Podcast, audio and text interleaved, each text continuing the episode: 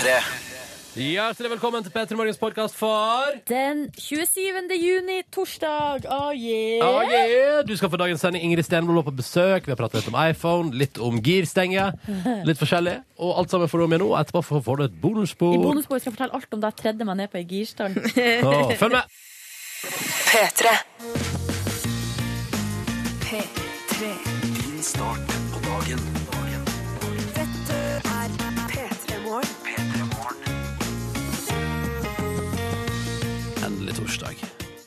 Hello, hello, og velkommen til oss. Oss, det er meg som heter Ronny, og så er det Silje Nordnes. Hallo og god morgen. Fra nå og frem til ni i radioen din for å gjøre morgenen din Vet du, jeg er litt rar i stemmen for tida. Ja, hva er det som har skjedd? Er det den 3000-meteren som tok knekken på deg? Nei, den tok ikke knekken på meg, men uh, det var nære på. Ja. Det skulle du forresten få et gjennom med straks. Hvis du ikke hørte på litt senere sendinga i går, skulle du få høre hvordan det gikk da jeg avslutta min lavterskel livsstilsendring med den siste 3000 meter. Og resultatet, selvfølgelig. Alt sammen. Det skulle du få, du få av oss eh, her, her nå tidlig, tidlig på morgenen. Først vil jeg bare liksom, Kan jeg gjøre opp litt status nå, en dag før du tar ferie og reiser til Sunny Beach, eh, Nordnes? Yep. Hvordan går det med deg? Det går bra. Det går bare bedre og bedre. Det har vært ei utrolig hektisk uke med masse praktiske gjøremål og ting og tang som skulle sjekkes av på lista. Mm. Men nå begynner det jo å det begynner å se lys i enden av tunnelen. Ja. Jeg gjør jo alltid, Når jeg har veldig mye på programmet, så jeg, før så har jeg alltid tenkt på Harry Potter. På Harry Potter? Ja, For å liksom motivere meg sjøl, for at han eh, har jo eh, så mye greier. Skal fullføre skoler, og der er det lærere som eh, maser. Er. Ja, og så er det liksom kjærestegreier og masse med venner. Ikke sant? Masse styr. Og så er det jo i tillegg det at han er the chosen one og Ja. må redde Ja. verden. Både den magiske og den ordentlige verden. Så det er mye, altså, mye for han. Kanskje jeg skal se de filmene i sommerferien? Kanskje du skal gjøre det. Jeg har jo ikke fått med meg noe Harry Potter. Jeg har gått glipp av det popkulturelle fenomenet der.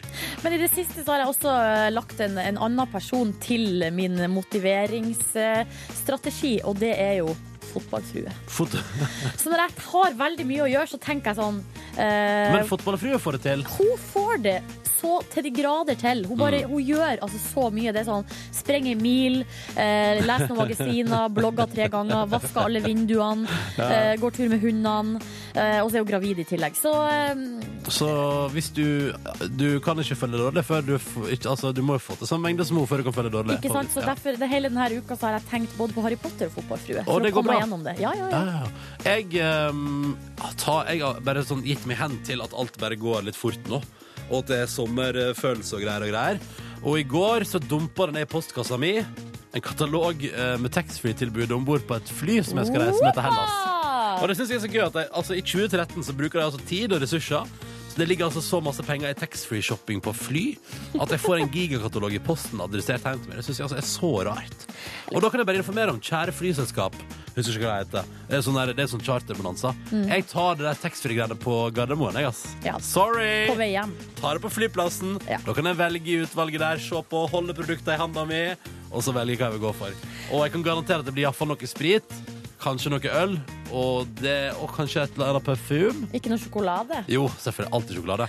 Vi Vi kjøper altså så mye tyggis hver gang vi får gjennom den der taxfree-avdelinga der. Ja, det, ja. At det er altså, Her eh, forrige uke så måtte kjæresten min kaste en pakke med tyggis fordi den hadde var gått ut på dato. Ja, konge. Ja, Slutt med det. ja vi slutt med det. Ja, ja, ja. Og så har vi i Petter Morgen en regel på at hvis du er på tur i utlandet og jobber i Petter Morgen, så må du ha med candy fra taxfree-en tilbake igjen til Norge. Ja. Og til kontorlandskapet. Ja. Så det er bare sånn Skal du kjøpe candy på begge turene dine til Hellas? Hvis det blir to turer til, Hellas, så skal jeg jo selvfølgelig iallfall på én av dem. Ja. Jeg tror nok at når vi har sommerferie, så det kommer til å ryke etter godteriet. Ja, du spiste opp sjøl, ja. Men jeg skal, sørge, altså, jeg skal ha med noe tilbake. Det skal jeg. Det burde du. Ja, det bør selvfølgelig. Jeg holder det jeg lover. Og jeg er en av de som er flinkest i hele P3 Morgen Du er så flink, Ronny. på å holde det der eh, Ikke vær ironisk, jeg er. Jeg er flinkest på det. Ja, du er flink. Ja, ja, ja. All right, velkommen til P3 Morgen. Kan, kan jeg bare si en ting til? Nå vet jeg at eh, musikken er slutt, og sånn. det betyr at vi har pratet altfor lenge, egentlig. Når, når, fordi musikken pleier ikke å ta slutt. Ja. Men jeg må bare si, det som jeg også faller for, er og Jeg faller aldri for sånn der, å ta med sånn candy som er helt framme i kassa på butikken, og sånn, men på taxfree-en der, er alltid sånn, der står sånne Underberg-fans. Det er sånne, sånne små eh, shots med sprit. Sånn urtesprit ja, som er, pak det kjøper du. som er pakka inn i papir og ser litt sånn lekkert ut. Det lurer jeg med meg. Det er ikke noe godt. Det er ganske dritt, faktisk, men det tar jeg med meg. Jeg synes Oh, foreldrene yes. mine drakk for å ikke bli dårlig i magen Ja, når du, vi det, var i Syden. jeg tror på at det funka for magen. ass. Ja, okay. Så det er godt mulig at jeg tar med meg også denne gangen i sommer en fempakning med Underberger fra taxfree-en. Da fikk jeg sagt det jeg ville sagt. P3. Riktig god morgen, alle som er våkne der ute. Hei, hei, det er torsdag. Det er den 27. juni. Eh, Og innboksen vår er åpen, og det, du er hjertelig velkommen til å si god morgen. Hva er det du driver med der ute? Hvordan står det til med deg i dag? P3 til 1987. Kjempehyggelig å høre fra deg. Det er en her som eh, er på vei hjem fra nachspiel. Eh, Ja. Det står her 'skal på jobb om en time på vei hjem fra nach'. Ja. Og så er det blink-smilefjes, ikke sant? Blink, blink. Så står det 'Thomas lurte meg, god morgen'. Å, Thomas, du bare sa, du sa sånn der, slapp av, det burde bare et lite nachspiel, det varer ikke så lenge, og, og denne innsenderen bare, ja, jeg er med. Mm. Og så plutselig er de der, vet du, i fullt partyhumør, og hørt på DJ Broiler hele natta. Ja, Og så skal han på jobb nå om en times tid. Det er helt perfekt, det. Huh, det er vondt det. Og så skriver Kan jeg bare si at jeg aldri gjort? Og jeg jobber i et morgenprogram. Jeg begynner på jobb klokka seks om morgenen. Eh, men jeg har ennå ikke gått fra nachspiel på jobb. Så det er Selvfølgelig har du ikke det, det er jo ikke lov. Nei, stemmer det. Nei, Eller altså, det er jo lov, men Å, du så bra, for nå holdt, jeg du- på, nå holdt jeg på å si sånn. Men så prater jeg med noen, og så skal jeg si at de hadde gjort det. Men eh, da skal jeg ikke si noe. Vel, Det er jo lov hvis man er ædru, så må det jo være lov. Men Ja. eh, det er jo ikke helt bra. For jeg tror ikke man presterer sitt beste eh, når man kommer rett fra nachspiel. Nei, det tror ikke jeg heller. Det lengste jeg har vært ute før ei sending, er halv to. Ja. Men da er du, da er du ganske rævkjørt i formen dagen etterpå, altså. ja. Her er det en som heter Even. God morgen til Even. I Hei, Even. eh, det står i morgen tar jeg fri, så blir det guttetur til Gran Canaria på mandag. Skal være der ei uke. Du Det vet at det blir party. Ja, det tror jeg Hva blir tror du guttene skal? Tror du det blir uh, Jeg tror, det blir det, jeg tror det blir det vanlige, ja. Bading, tyrkershots, eh, Soling på stranda? ja, bananaboat. Et og annet party. En av dem lurer sikkert med seg ei svensk flikka Mm. på hotellrommet, og så blir det liksom den store snakkisen. Husker du da på Gran Canaria 2013, eller? Ja, ikke sant? Og kanskje de tar tatovering der det står Gran Canaria 2013. Oh, yolo. Du, jeg Altså, fikk jo eh, rapport fra mamma i går, for de har allerede reist til Bulgaria. Eh, og Ja. der har mine brød De var ute på fest, har møtt noen jenter. Det tok dem én dag. Nei, for, fortell. Fortell. Nei, det er bare det. Det er det jeg vet. Eh, det sto i meldinga 'Vi har det bra, fint hotell, konge, varmt og godt'. Skriver mora di Eh, konge? Eh, ja da. Og så det der hun skriver 'awesome'. Eh, og så sto det bare 'Guttene er ute og fester, har møtt noen jenter'. Å, jaså, Og nå ja. er jeg så nysgjerrig. Hvem er de her jentene? Ja, men altså, Nå, det- nå må de si at jeg har møtt noen jenter, bet- altså, hva, hva mener hun da? At jeg har møtt noen jenter, eller at jeg har møtt noen jenter? Nei, det er jo det jeg ikke vet. Nei, det er det du finner ut av når Eh, du kommer det er det ned i jeg skal morgen. finne ut av, ja.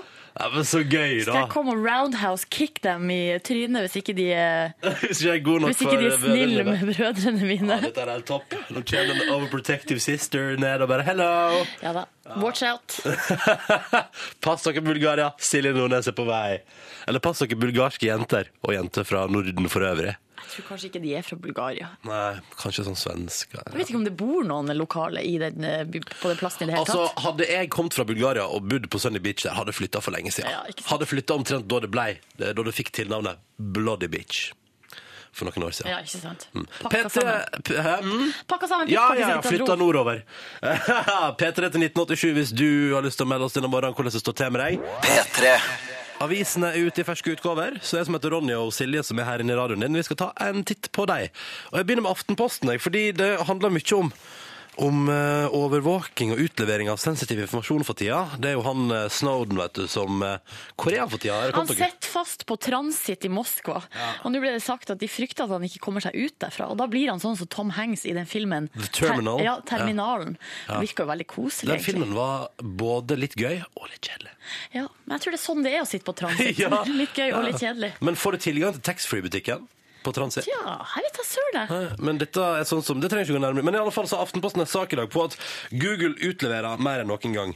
Og dette er jo en interessant sak, eh, fordi det viser at, at for eksempel første halvår i år, så har altså da Google utlevert informasjon i 100 og, nei, jeg beklager, i 14 000 saker. Eh, Men det handler jo om saker der noen har sagt sånn, her har vi en grunn til å etterforske. Google kan vi få informasjonen. Ja, det Og er så sier- myndighetene som spør eh, kan vi få innsyn i f.eks. e-postene til den personen, Mm. eller personlig informasjon fra noen, eller ja. Ja, og da sier jo Google ja, fordi det er grunn til mistanke. Det som han Snowden der avdekka, er jo at eh, USA USA har tatt seg friheten med å bare sjekke sjøl, Ja. uten å spørre først. Litt sånn bare sånn generelle sveip Ja, ja, ja. eh, over eh, internett. Og det er jo det som ikke er så stas, da. Det blir spennende å følge den saken videre, og Aftenposten har fokus på Google i dag. Og så må jeg ta med ei gladsak fra oppi høyre hjørne på Aftenposten, og det er meg stolt som NRK-tilsett. Fordi I dag får vi besøk av Ingrid Stenvold, som etter hvert skal ut på uh, denne sommeråpent-båten som altså cruiser Norges kyst opp og ned igjen. Um, og så står det her nå på Aftenposten at det har vært en braksuksess fra starten. Folk ser på, knuser TV-konkurrentene, og det gjør meg glad, fordi for det første, NRK bruker sikkert masse masse penger på å kjøre en båt rundt hele Norge, men så syns jeg det er stas, da. Jeg syns det er stas at vi i NRK tar oss bryet med å bruke hele sommeren på å besøke hele Norge, fordi det er sånn oppriktig, oppriktig stas. Det er helt enig i. Jeg gleder meg til å snakke med Ingrid Stenvold litt senere i sendinga. Mm. Eh, videre så er det en sak på eh, Dagbladet der det står at Mariann fra Lillehammer kunne falt for Little Steven. Er det hun som er i lagmann i serien der? Yes. Ja, ja, ja. Eh, Mariann Aastad Ottesen. Og så står det her, for jeg bladde meg opp på saken, så står det eh, Jo, Mariann Aastad Ottesen kunne kanskje blitt forelsket i Little Steven hvis han flyttet inn i nabolaget, og hvis hun ikke var så lykkelig med mann og barn. Så det Ah, veldig mange hvis. ja. Han måtte ha vært nabo, og hun måtte ha vært ulykkelig i ekteskapet Altså, sitt. jeg kunne også blitt forelska i Little Steven hvis ikke det hadde vært for at jeg for det første ikke liker menn, og for det andre eh, hvis ikke det hadde vært for at jeg også er lykkelig med noen andre. Ja, ja. Um, er noe, er det, er, du har ikke flere visser der? Nei, det får holde med de to. Ok, ja. Ja. Det er to ganske store visser, da. Ja da, det, Ja. det kan man si. Spesielt den med at du kanskje ikke syns menn er så attraktive. Ja. Mm. er liksom kanskje litt sånn veldig avgjørende. Litt sånn som at hun Mariann der Det er faktisk heavyere enn at hun Marianne er lykkelig med mann og barn, for det kan hun snu. Ja, det kan- Men da må, jo fort, altså, da må lille Steven finne ut av det, og så flytte inn i nabolaget. Skjønner du? Det blir, et- altså, det blir for mye stress. Du, en siste sak fra forsida av VG. Skjell ut eh, vestkantforeldre. Hele skoleklassen, tatt Ja. med hasj. Ja. Det er en sak som kom i går fra NRK Østlandssendinga. som, Rakk ikke å prate om den i går. Mm. Men det er altså det hele skoleklasser på vestkanten i Oslo som er blitt tatt for å røyke hasj på skolefester. Og da, min umiddelbare tanke er vestkanten? Skal ikke de drive med kokain, og så skal østkanten drive med hasj? Ja, det var veldig, veldig Det er altså en politidame her som jobber på eh, et sånn politistasjon på vestkanten, som sier det er i større grad manglende oppfølging på vestkanten. Eh, Det er det ingen tvil om. Eh, Foreldrene her er opptatt av selvrealisering og sine egne liv. Ja. Så ungene går for lut og kaldt vann og litt marihuana. Jeg syns jo det er, det er jo alarmerende i det hele skoleklasser eh, tenker Skal vi bare sette oss ned og ta oss en joint sammen? Rihanna gjorde jo Amsterdam her om dagen, ikke sant? Ikke sant? Ja, for det var det første som kom i går. At det var sånn at eh, spørsmålet er det superstjernene som Er det Rihanna sin feil? Er det jeg tror det er mer foreldra sin feil enn Rihanna sin feil, for å være helt ærlig. Jeg må også si at eh, Det står jo i saken, for I går så stussa jeg veldig på bruken av det ordet skoleklasser. Altså, Hva betyr det? Og nå sier hun her, politidama her at uh, hun understreker at skoleklasser i hermetegn ikke er et uttrykk, og det er heller ikke en overdrivelse. Men det er altså reelle situasjoner der politiet har vært borti og tatt rett og slett hele skoleklasser. Hele klassen. Jeg syns det er så sjukt, jeg. Er Kommer fra beskytta kår i distriktet, jeg har ikke vært borti lignende. Ja, litt samme her, altså. Du, altså, det hadde jo Altså, hvis jeg skulle begynt å liksom prøve meg på sånt eh, det, hadde blitt, det hadde blitt kaos i heimen. Hadde blitt, da hadde jeg sikkert blitt forvist. Forvist? Ja. Du trenger ikke bo her lenger, hadde jeg sagt. Ha det bra! Nei! Nei, kanskje ikke helt der, men Jeg eh, vet ikke om det er måten å løse problemet på. Nei, nei, nei, nei. Ronny, hut deg ut! Ja! Vil ikke ha Men det er iallfall en alarmerende sak som vi vi har tatt tak i i dag, da, etter at NRK uh, breaka newsen i går. OK! Det var det viktigste fra avisforsidene, syns jeg. Så da spiller vi deilig musikk på NRK P3. P3. Og så sier vi god morgen til for eksempel Tømrer21, som skriver oh yeah, skattepenger i går, lønn og feriepenger i dag, og som har en fantastisk torsdag, folket. Og da vet du at det blir toppstemning for Tømrer21 der. Og så er det en som eh, sier, apropos det vi snakka om eh, hasjing, og, og du sa jo, Ronny, at hvis du hadde blitt tatt i å røyke hasj hjemme, så hadde du antageligvis blitt kasta ut. Og her er det en som skriver Jeg måtte ut pga. hasjing, nå gjør jeg hva jeg vil. PS ekstremsporter. Så eh, ja. Ja. Da ble det ekstremsport, da. Du kunne blitt ekstremsporter du, Ronny, hvis du hadde vært litt mer Hvis jeg hadde prøvd hasj i oppveksten. Ja. Litt usikker. Litt usikker på om, om ei lita runde innom hasjrusen hadde gjort at jeg begynte å bedrive ekstremsport. Se det for deg. Se det for deg. Og så er det her noen timer til, på jobb, så er det flyet til Oslo og Skeive dager. Få med deg, hvis du skal på Skeive dager, må du få med deg Juntafil, som sender live derfra fra klokka fem til åtte. Ja, I kveld i Pride Park. Pride Park? Mm. Hva, hva er Pride Park? Det er liksom bare området der det er masse Men er det en park i. Oslo som altså bytter navn under Skeive dager? Det er Rådhusplassen som skifter navn. Ah, der blir det Pride Park og full action. Da vet vi det. Uh, så der driver vi rundt og sender fra i ettermiddag, så det må du få med deg. P3. God morgen til deg som hører på NRK P3. Vi tar jeg vet, vet du hva musikk jeg skal bruke? Hva skal du ha i dag, Silje? Jeg vil ha noe med litt eh, up tempo. Nå er det snart ferie. P3 Ti minutter over sju. Håper at eh, torsdagen din er fin. Du hører på NRK P3 og P3 Morgen, og vi syns det er stas å være her inne i radioen din. Jeg heter Ronny. Hello! Silje Nordnes heter Stades. Hallo! Og vi skal være her fram til ni, og har en del planlagt i dag. Mm, det stemmer det. Vi skal blant annet få høre um, et lite intervju som jeg gjorde med jo, eh, Jared Leto. Jared eh, Leto, heter han faktisk. Oh ja, oh ja, ja. Jared Leto, som vi kaller han i Norge. Um, eller Jordan Catalano, som jeg kaller han. Det var jo den karakteren som han spilte i eh, Angela, som gikk på TV2 på 90-tallet. Som du elsker. Som jeg elsker. Vi har selvfølgelig stilt eh, Jared Leto de vanlige spørsmålene som vi bruker å stille. Mm, P3 Morgens vanlige til store stjernespørsmål som vi Det er de stjernene vi kun får fem minutter med. Stemmer det? Eller to minutter eh, heller. Uh, utover det så får vi også besøk av Ingrid Stenvold. Hun skal mønstre på båten som reiser Norges kyst opp og ned igjen med sommeråpent. Og vi lurer på hvordan det skal bli. Og hvor masse kan hun egentlig om sjøfart og Ingrid Stenvold? Det skal vi selvfølgelig eh, teste henne i. Selvfølgelig skal vi teste henne i sjøfart, fordi det er helt logisk i P3 Morgen. Hilsen to som Vent, har du mye erfaring med båt? Ja, det har jeg jo, men jeg kan ikke så mye. Du har bare vært med? Ja. Det ser jeg for meg. At du, At jeg er den typen. ja, at du liksom legger deg frampå Hva heter det? Frampå Jeg sitter og duner på baugen der. Ja, ja, og så er det sånn ah, Jeg bare sitter her, dere, så kan dere bare styre på med den båten. Det går greit for meg. Hvis du som hører på har eh, noe på hjertet i dag, så er du hjertelig velkommen. P3 til 1987 på SMS, eller bruk Facebook-sida vår for det den er verdt. Uh, skal vi se, er det noe gøy på Facebook her, da? Skal vi se. Å, bare skryt fra Tone Louise Frydenlund her, som skriver at vi er flinke, og det er veldig hyggelig. Så det var det, det, var det siste som på en måte hadde kommet inn på Facebook her, da. Så det er bare å hive seg på der hvis du vil. P3. Jeg eh, har altså da hatt en så trøblete iPhone, Silje. Ja, du har snakka mye om det. Ja, og jeg har fått masse kommentarer. Hvis du, hvis du følger med på Instagram, så ser du jo eh, hvor elendig eh, det står til med kamera på telefonen min. Eh, fullt av støv som ligger på innsida der. da. Og så var det en lytter i går når vi la ut en video som poengterte at det kanskje så ut som det var liksom sjølve bildebrikka som var fucka. I tillegg, I tillegg så varer jo ikke telefonen min en hel arbeidsdag i batterikapasitet. Og da har jeg tatt én eller to korte telefoner. Og så gir den seg i tre drager der. Altså, de siste dagene når jeg, når jeg har hatt både P3 Morgen og Popsalongen, så har jeg på en måte ikke hatt mobil når jeg går hjem igjen. Da er jeg tom for batteri. Det syns jeg, det jeg er godt nok, da. iPhone 5.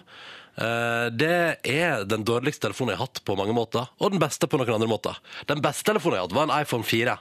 Den var konge. Altså, den, det er det mest stabile mobilproduktet og beste mobilproduktet jeg har hatt. Dessverre ble den frastjålet meg på en litt turbulent taxitur i Urgada, Egypt. For å si det sånn, Hvis hotellet der du bor på i Urgada, Egypt har egen taxiservice, bruk den og ikke den kommunale. skulle jeg si. Den For der er det- kommunale. Ja, for der er det mye snusk. Men anyways, i går så gikk jeg altså da For jeg har jo mobil gjennom jobben, så jeg gikk til eh, de som driver med sånt, og fylte ut et skjema og leverte inn min iPhone 5 som bare er et halvt år gammel, til reklamasjon.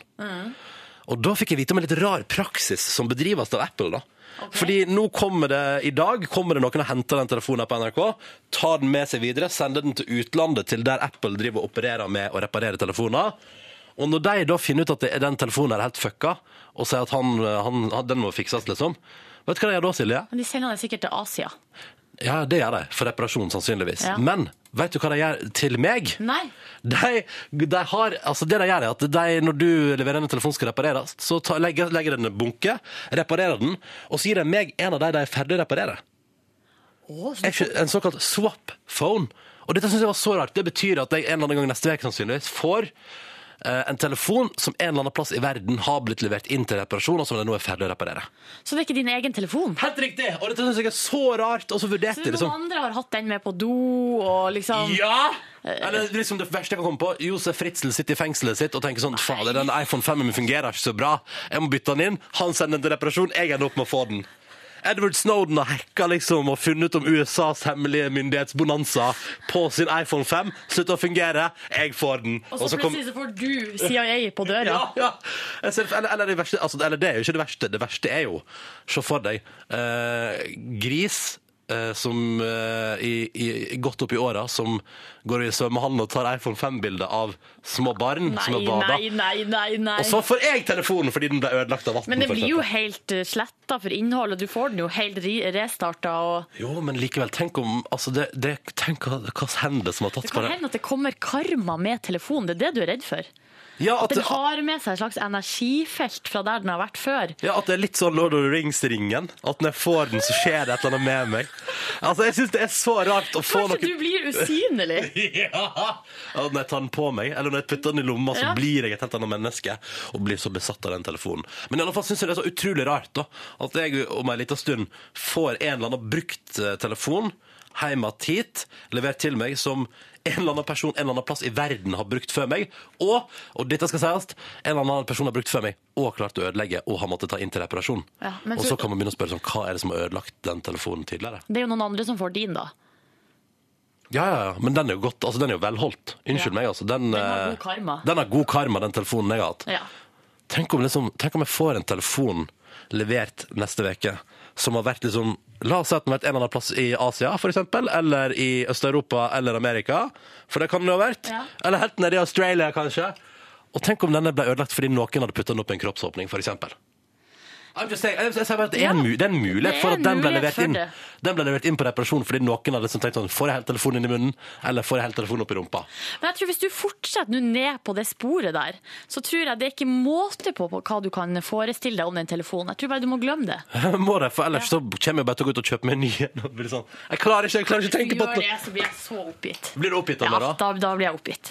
Ja, men, Du må bare komme over det. jeg, Kom over ikke, det. jeg må ikke se for meg kroppsåpningene. ikke. Josef Fritzel sin telefon. Den har ikke vært oppi rumpa på noen. Ok. Lover det. Lover du? Kors på lover, halsen? jeg lover kors på halsen. Den telefonen får ikke vært oppi rumpa på noen? Ja. Ok, men da krysser jeg fingrene for det. P3. Garbage, I think I'm paranoid på NRK P3. Og så fikk vi en melding fra Thomas som skriver sånn Å herregud, plutselig er jeg 16 år igjen. Takk for garbage på en deilig torsdag. Bare hyggelig, Thomas.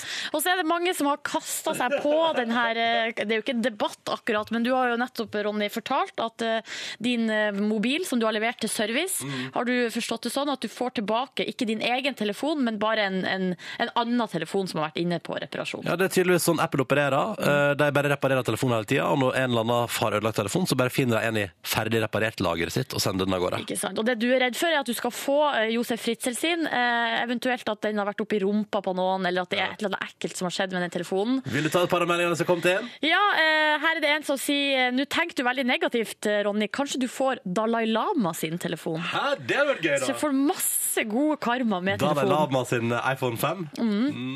Og så er det en som skriver her. Alex, bare slapp av, Ronny. Har sikkert kun vært oppi slufsa til noen og blitt levert med fuktskader. Men heller en telefon som lukter reke enn dritt, eller hva? Eh, skriver Alex. Og så bare ta de seriøse meldingene som kommer, der det står Hei, Ronny. Telefonen du får tilbake, har helt nytt ytre, og kun deler i telefonen kan ha blitt brukt før. Oi, er det sånn det fungerer? Og det skriver også David her. Hei, tullegutt. Jeg har jobba med reparasjon av telefoner. En swap-enhet betyr Altså en swap-enhet, som er altså den telefonen du får tilbake, ja.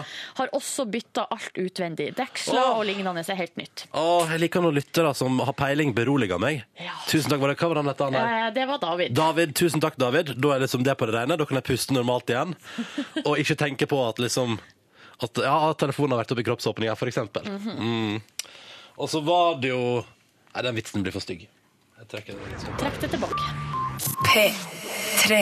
Um, vi håper at du har en fin torsdag. Det nærmer seg helg og sommerferie for mange av inntrykk av, ser vi i SMS-innboksen vår. Folk har det fint. Eh, og i går var det noen som hadde det ekstra fint. Eh, Det var eh, fans av bandet 30 Seconds to Mars. Mm. Fikk jo en eh, eksklusiv eh, litt sånn intimkonsert med dem i, på, på Birkelund i Oslo, som er en park, rett og slett. Ja, liten søt park. Ja. Eh, Der hadde de en sånn flashmob-aktig konsert som de driver og har. Det er jo Mm. litt sånn eh, så De driver og reiser rundt og har det. Ble annonsert her på P3 i Ja, går. i Eh, Ble det avslørt uh, hvor det skulle være. Eh, Fordi at 30 Seconds to Mars var på besøk i P3 i går, ja. hos deg i Popsalongen. Ja, ja. For Eh. et Texas det var i P3-lokalet. Jeg har aldri sett så mange av P3s ansatte. Det, vet du, det har du har aldri ble, sett så mange jenter i P3 sine lokaler før. eh, altså, det ble, altså, jeg vil si at alle jentene på jobb her omtrent eh, jobba ikke mellom ett og to i går, når Jared Leto og gjengen var innom. Ja, altså, eh, sjefen min uttalte vel eh, da vi gikk opp på kontoret etter at eh, haraballet var ferdig, så sa hun nå er dagen, altså nå ble arbeidsdagen ødelagt. For det var vanskelig å konsentrere seg om noe når eh, Jared Leto var i, eh, i lokalene. Mm. Og så var det jo sånn at eh, Jared der, frontfiguren i 30 Seconds to Mars, og tidligere skuespiller som du Eller faktisk, han driver jo og skal Han er med i en film som kommer snart, faktisk. Mm. men i alle fall, var jo på besøk her hos meg i Popsalongen, det var hyggelig. Og så fikk du ei lita prat med han etterpå til radioprogrammet P3 Morgen. Jeg gjorde det. Og for din, den yngre generasjonen så kan jeg bare si at Jared Leto var, da jeg var ung, altså da jeg var sånn eh, mellom 10 og 15 år, så var Jared Leto Han var eh, slitt, altså, Jeg vet ikke om han var helt som Justin Bieber, men han var liksom eh, Zac Efron, eller Han var liksom den kjekkeste av de kjekke. Eh, det var liksom eh, topp altså Man tapetserte rommene med plakater av han. Eh, det var liksom bare han som, mm. som gjaldt. For den veldig yngre generasjonen skal vi si at det er han som stemmer til Nemo i Fanny Nemo som gammel. Altså gam Nemo som gammel. Ja, riktig. Eh, men nå altså vokalist i 30 Seconds to Mars. Eh, jeg fikk prata litt med han i går. Eh, var eh, egentlig ganske avslappa og rolig. Eh, men det, jeg ble kjempe-starstruck da øyeblikket kom. Ble det, ja? Eh, og så har jeg et lite klipp her. Det er en liten sånn illustrasjon på Eller sånn, det bare Ah, bare, La oss spille det, så kan vi snakke om det etterpå. Can you just say, hi, this is Jared, Jared Leto from 30 Seconds to Mars? No, I will say, hi, this is Jared Leto from 30 Seconds to Mars, and I'm so uh, happy and excited to be on The Breakfast Show. Thank you so much.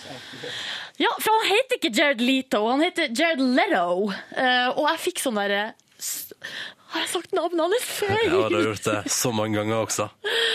Ja. Eh, så heretter Å, det var så jævlig! Men uansett, jeg fikk nå stilt de vanlige Ja, spørsmålene. for, ja, ja, for du, fikk, du fikk stille spørsmål også. Jeg fikk stilt de vanlige spørsmålene. eh, what do you have for breakfast? Og what do you sleep in?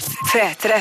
Jared Leto skapte jo Eller Jared Leto, som Jared Leto, som han eh, så spydig klarte å poengtere for meg i, i intervjuet, og som gjorde at jeg eh, altså Var jeg ikke nervøs fra før av, så ble jeg det i hvert fall da. Mm.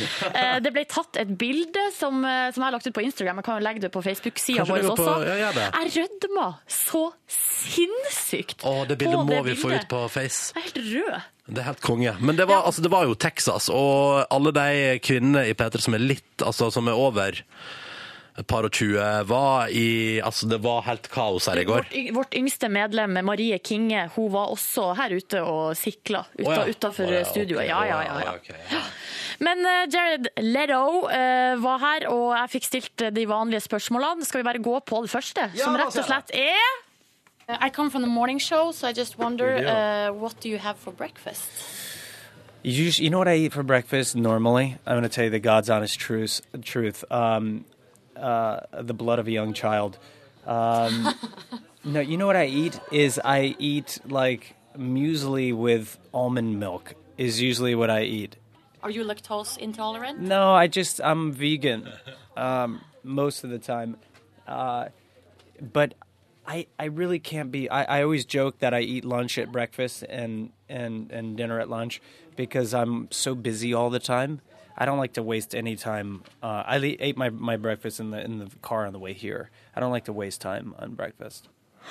Han er vegan most of the time. Ja. Um, Når det passer han. Når det passer han, så er han veganer. Men Ja, det var altså musli med sånn um, Mandelmelk, var vel det han sa. Almond Mm, milk. Eh, Men stort sett så er det litt sånn eh, eh, frokost i fart da, i Ja. bilen. Mm, som det ofte blir for stressa personer. Men du, det er jo det er et fint svar på, på spørsmålet What do you eat for Ja. breakfast, som vi pleier å stille til alle store stjerner. Veldig fint. Og, og så videre, det neste spørsmålet er jo uh, What do you sleep in? What do you sleep in at night? My skin. Naked? My skin. OK. that's OK. Uh, good answer. Oh, tenker jeg. Der hadde ikke jeg mer å gi. Jeg Der var det, det det var for mye for oss, Silje Nordnes. jeg er klar. Altså, han sier liksom my, eh, my skin, og så burde jeg vel egentlig sagt noe gøyalt, eller kommet med et oppfølgingsspørsmål. Men det eneste jeg klarer å si er Naked? Litt oppglødd og litt forventningsfull. Naked. Naked? Men hei, jeg vil henge, jeg vil henge bare opp to sekunder i all den fnisinga etterpå der. Ja, Nå skal jeg fordi- finne fram her, vent, skal. Fordi det greiene her, Silje, det her er bra. Okay, that's okay. Uh, good answer. Det her er for bra! OK. that's okay. Uh, good answer. Oh, thank you. Å, Silje Nordnes, der ble du for fnisete. Ja, for greia var at for jeg skulle ikke være fnisete, hadde avtale med meg sjøl om det. That's okay. Uh, good answer. Oh, thank you. Ja. Men det klarte jeg ikke, gitt. Nei. Fordi jeg ble altså tolv år igjen eh, når jeg møtte Jared Leto. Så det var litt rart. Ja. Vi legger ut bilde av deg og Jared fra 30 Seconds to Mars på uh, Facebook-sida vår, der Silje altså er knallrød som en tomat fordi at hun blir fnisete. OK. that's OK. Uh, good answer. Uh, thank you. P3. Hører lyden i bakgrunnen? Jeg senker bordet. For det kan vi gjøre her inne i radioen, faktisk. Fancy shit! Ja, ja, vi, nå, så nå senker vi bordet, Fordi nå er vi lei av å stå. Nå skal vi sitte litt. Eh, og så får vi straks besøk, og når vi har gjester på besøk, er det alltid litt hyggeligere å sitte rundt et bord og prate inn i radioen enn å stå rundt et bord og prate. Ja, for da blir det Er rene kaffeslabberaset. Grei, greit, grei høyde nå, Silje? Yes. Topp. topp. Eh, vi kan jo fortelle hvem vi snart får besøk av. om en, eh, Hvis du henger med en seks-sju minutter til, så får du høre stemma til en veldig kjent NRK-profil. Ingrid Stenvold. Oh yes. Eh, Mest kjent akkurat nå fra Dagsrevyen. Mm. Tidligere jobba i eh, Sporten og i Lydverket. Um, Og nå om to uker skal hun altså da ut på båt og være en av sju programledere som denne sommeren gir oss sommeråpent fra norskekysten både opp og ned. Veldig Og vi skal selvfølgelig eh, teste eh, liksom, Ingrid Stenvold sine båtkunnskaper bitte litt. Og det blir spennende, for at vi vet at hun har et eh, veldig sånn stort, høyt konkurranseinstinkt. Ja, ja, ja. Vi får se hvordan hun takler denne quizen vår. Veldig spennende. Jeg ser jo nå at quizen vår i hovedsak kanskje mest handler om Ingrid Stenvold sine kunnskaper om filmer om sjø. Ja, altså det, er en, det er jo i kjent stil en fjasete båtquiz. Det er det definitivt. Ja, ja. P3. Ingrid Stenvold, velkommen. Tusen takk. Det er alltid like stas å ha deg her. Vi har stått og pratet om TV-serier under låta, vi, da. Hva vi ser på, hva vi gleder oss til. Og... Det viser at du er like engasjert som oss. Ja. Ja. Ja. Du brøyt ut her. Til. livet er så deilig! Det er så masse gode TV-serier. Det er det. Hvis man har behov for en liten pause, er det jo veldig veldig, veldig mye å ta seg til der når man sitter i sofaen. Klarer du å velge ut én favoritt?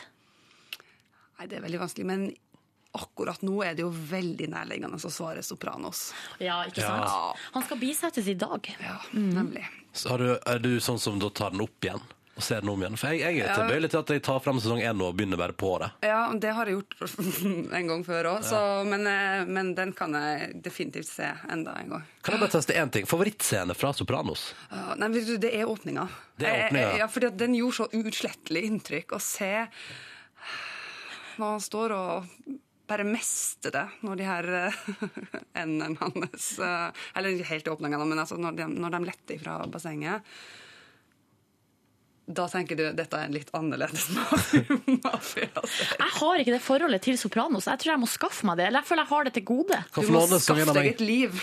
Skaffe meg et liv og begynne å se mer på TV. Mm. Jeg tror ikke du vet, Ingrid Stenvold, hvor mye jeg ser på TV. Jeg kan ikke se mer. Jeg trekker det tilbake. Ja. Um, Ingrid Stenvold, nå er det to uker igjen, og så skal du mønstre på denne flotte båten, dette gamle hurtigruteskipet som NRK rett og slett seiler opp og ned igjen langs norskekysten i sommer. Gode, gamle Ragnvald Jarl. Det er jo ei halv uke. Neste lørdag. Det er neste lørdag, ja. Mens- sånn blir det. mm. Og du begynner i Ålesund, gjør du ikke det? Ja, da er liksom Nadia Hasnois i siste sending, og, Mm. og da skal jeg liksom være der og få en slags imaginær stafettpinne. Mm. Ja. Og så blir du med oppover der. Og jeg vet at du, gleder, du, eller du er litt spent på utfarten når dere skal ut til Træna, blant annet. Træna er jo ei øy som ligger et godt stykke utafor Fastlands-Norge. Jeg, jeg har bare hørt sånn, jeg vet aner ikke langt er, men jeg har hørt sånn tre timer med vanlig båt, omtrent. Ja, og ja, noen tar hurtigbåt fra Bodø, da er det tror jeg, nesten fem timer. Men Ja. eh, Sandnessjøen eller noe sånt er nærmere. Vi går fra Brønnøysund, så det, det er ikke, det er ja, ca. tre timer. Men så skal vi jo videre fra Træna òg, og opp til Henningsvær, eh, Lofotens perle. Der er, det også, der er det mye åpen sjø, altså. Det Hvordan, eh, hvordan er du på åpen sjø? dårlig. Dårlig. Nei, vet du hva, det er det eneste jeg frykter. Jeg gleder meg jo. Det er jo et helt ellevilt prosjekt. Det er liksom Norge rundt, sommeråpent, Hurtigruta minutt for minutt, ditt og datt og ut i naturen. Det er liksom alle ting på en gang i, i, i ett program og i ett prosjekt. og Det er liksom sånn eventyrgreie. Men alt kan jo bli spolert hvis man bare går på en skikkelig sånn sjøsjuk smell. Og det, det har jeg i meg. At jeg, Du har den kvalmen i deg, liksom. ja, altså den, eh, Jeg har aldri vært spesielt sjøsterk, nei. Jeg kommer fra en innlandsfamilie. Jeg vokste opp ved kysten, men jeg har aldri satt mine bein i en båt før jeg ble en Ah, voksen. perfekt. Alt her ligger til rette for litt action. Ja da. Kanskje vi skal åpne opp for litt kjerringråd eh, fra våre lyttere. Folk ja. vet jo så mye. Men jeg har hørt ingefær hjelp, Ja, Mot sjøsjuke? Ja. Tror jeg. Kanskje jeg bare finner på nå. Men hvis du, hvis, du som. Ja. ja, hvis du som hører på har noe der, så er det P3 til 1987. Så Ingrid. Stenvold trenger hjelp. Ja, litt sånn føre var-tips. Hvordan føles det? Jeg må, må jo bare ta tak i det. Vi skal straks prate mer med deg, men jeg må bare ta tak i før vi går i låt der. Har du sett, har du sett Aftenposten i dag? Det er jo sånn stor, fin sak eh, om at uh, Sommeråpent uh, i år knuser konkurrentene, og at det er en kjempesuksess så langt. Og... Hæ? Hæ? Ingrid Gjessing Linhave på forsida. Men det er forsidepike. Veldig bra. Men, men det jeg, jeg er ikke veldig overraska. Og folk kan være sur og si å, det er pludre-TV og bla, bla, bla. og sånt, men, men, men det er noe med det vi liker å snakke om i NRK, som er sånn allmennkringkasteroppdraget. Vi drar ut til folket. Vi besøker hele kysten. Alle skal med. Alle får være med. Fra Folkefest oss til, fra oss til folket og fra folket til oss. Alt, det, det, er liksom, det, det er noe som er så veldig veldig fint med det. Mm. Eh, og også det er at man faktisk kommer seg bort fra Oslo. Og etter hvert som man kommer lenger og lenger bort folk, Noen sånne sure og sånn ja, Skal de bare ha de samme gjestene likevel? Skal de hente gjestene fra Oslo? Selvfølgelig skal vi ikke det. Altså, og det, hvis folk eh, legger godviljen litt til, så har vi ikke gjort det. eh, Ja, for det, blir en, til det er en del lokale helter som blir portrettert oppover kysten. Helt klart. Eh, helt klart. Og, og stedene vi kommer til, blir behørig presentert. Uh, lokale fenomener, lokal mat. Ja. Det er stas fra ende til dette her. P3. Ingrid Stenvold er på besøk, og så prater vi så vidt om sjøsjuke, for du skal jo ut med sommeråpent-båten, og det skal segles litt åpent hav, det blir noen bølger sannsynligvis, og lytterne våre er selvfølgelig på med eh, tips. Ja, det kom en hel drøss med tips. Ragnhild skriver ingefær, sjøsyketabletter og masse vann. Eh, Og så hjelper det også å sitte helt foran uh, på, i båten på dekk og se på bølgene. Tusen takk. Uh, Spis rekesmørbrød før du går om bord, er det en som skriver her. Eh, ja. Eh, Fisherman's, Fisherman shots. Hjelp, ta med ei hel flaske. Jeg er litt usikker. Elektriker Espen skriver salt, salt, salt. Masse salt. Eh, Det må man, altså Potetgull sikkert, og Ja. sånne ting. Ja. Potetgull og smelta ost tror jeg er bra. Ja. Det samme som funker når man er fullsjuk. og så beklager jeg til alle som eh, sitter og spiser frokost her, men her står det 'spy i neven og spis det etterpå', var rådet jeg fikk av en gammel sjøulk. Ja, det tror jeg er sånn her For da skremmer man seg sjøl. Hvis du skal leve på havet og, og, og bli bra en gang for alle. Men det, det, det, jeg har liksom ikke det Det er ikke målet mitt. Da, okay. da ville jeg heller gått for den flaska med Fisherman og satsa på at det ordna seg. Jeg får litt sånn her uh, tyrkisk eh, shot-vibber fra russe, russetida. Men, men Ingrid, hva skal dere, hva, men her, sånn, apropos det, hva, hva gjør man på liksom, når sendinga Har du fått liksom, noe info fra båten her om hvordan det går? Hva gjør de på når de liksom har pakka ned for kvelden og sendinga er ferdig? Da er klokka ganske mye, ja, faktisk. faktisk. ja. Sendinga går jo av lufta kvart over ti. Ja. Uh, og så er det litt sånn nedrigg og litt sånn uh, Debrief. sånn som det er på vanlige sendinger. Da er så klokka blitt elleve-halv tolv, og så er det, og så er, dette, og så er det utrolig sånn ordentlig koselig kveldsmat. Det er så god mat. Ja, for det er så god mat. De er så flinke, de kokkene på, på, eh, på eh, båten. De, det er heim, de baker brød. Det er heimbakt brød, ferskt hver til frokost. Og så til kvelds, du vet sånn så er det bare det er brødskiver, ost og syltetøy og litt Å, salater, og så en kopp te. Det er liksom Det er der når man går av sending. Så kan man ta rått, det, mm, og så får man sove godt. Vet du hvordan lugaren din er, eller hvordan du skal bo? Det vet jeg. Den er, vi, har, vi som er programledere, vi er jo liksom Vi, vi, vi er så heldige å få lugar med eget bad. Oi, oi, oi! Og det, det er helt topp. Jeg tuller ikke. Jeg syns det er helt fantastisk. Badet er sånn at når du åpner døra, den går da innover på badet, så så må du liksom lure deg rundt, Rundt, døra for å få lukka henne igjen. For den, tar på en måte, den slår opp når du slår opp døra, og den er lita og den er smal, så tar den nesten hele rommet. Den når akkurat fram til dosetet. Ja. Og så Der er det et dosete, og over dosetet så er det en dusj. Så du kan sitte på do og dusje samtidig? Ja, det kan du. Absolutt. Veldig effektivt. Kjempeeffektivt. Og det kan jo være greit. Selv hvis du er veldig kvalm om å spy, så kan du dusje og spy samtidig. Ah, konge! Konge! Ja, men, men gratulerer med, med Er det fin utsikt fra lugaren òg, eller? Eh, De, de er jo veldig sånne små glugger. Sånne, eh, Hva heter det? Koøye, heter det. Ja. Ja, mm. Jeg har fortsatt ikke vært om bord i en båt der jeg har hatt lugar over vannflata. Du har vært på danskebåten på Ja, nederste dekk. ja, det er det jeg har vært. det har jeg òg, noe sånt. Så. Og det er veldig stusslige forhold. Ja. Nei, men dette, dette kommer jo til å bli så gøy. Ja, Det blir veldig veldig gøy. Det blir et, det er, jeg sier det, det er et ellevilt og litt sånn ko-ko-prosjekt som eh, det var umulig å si nei til. Og fikk eh, spørsmål om å få lov til å gjøre det. Tror jeg Så på. Ja, jeg gleder meg skikkelig. Men hei, du skal ut i det maritime miljøet, og straks skal du få være med i P3 Morgens store sjøquiz. Å, jeg gleder meg. Gjør det? Det burde du. Ja, det burde. Det, er- ja, det er noen mer fjasete uh, innafor quiz. Men det blir veldig veldig fint, og det skjer straks i P3 Morgen. P3. Ingrid Stenvold er på besøk, skal snart mønstre på Sommeråpent-båten. Så da sier jeg bare det er på tide med P3 Morgens sjøquiz! oh, yeah. Ja da! Her er det hval... Sail away, sail away, sail away. Oh, yes, oh, yes. Ja. Velkommen til sjøquizen vår. Velkommen til sjøquiz. Jeg tror vi bare setter i gang. Ja. Er du klar, Ingrid? Litt usikker. Du måtte spisse ørene, for det er mye lyd her. Oh, ja. Spørsmål én. I eh, hvilken film hører denne låta til? Eh, det er utført av en fløytist.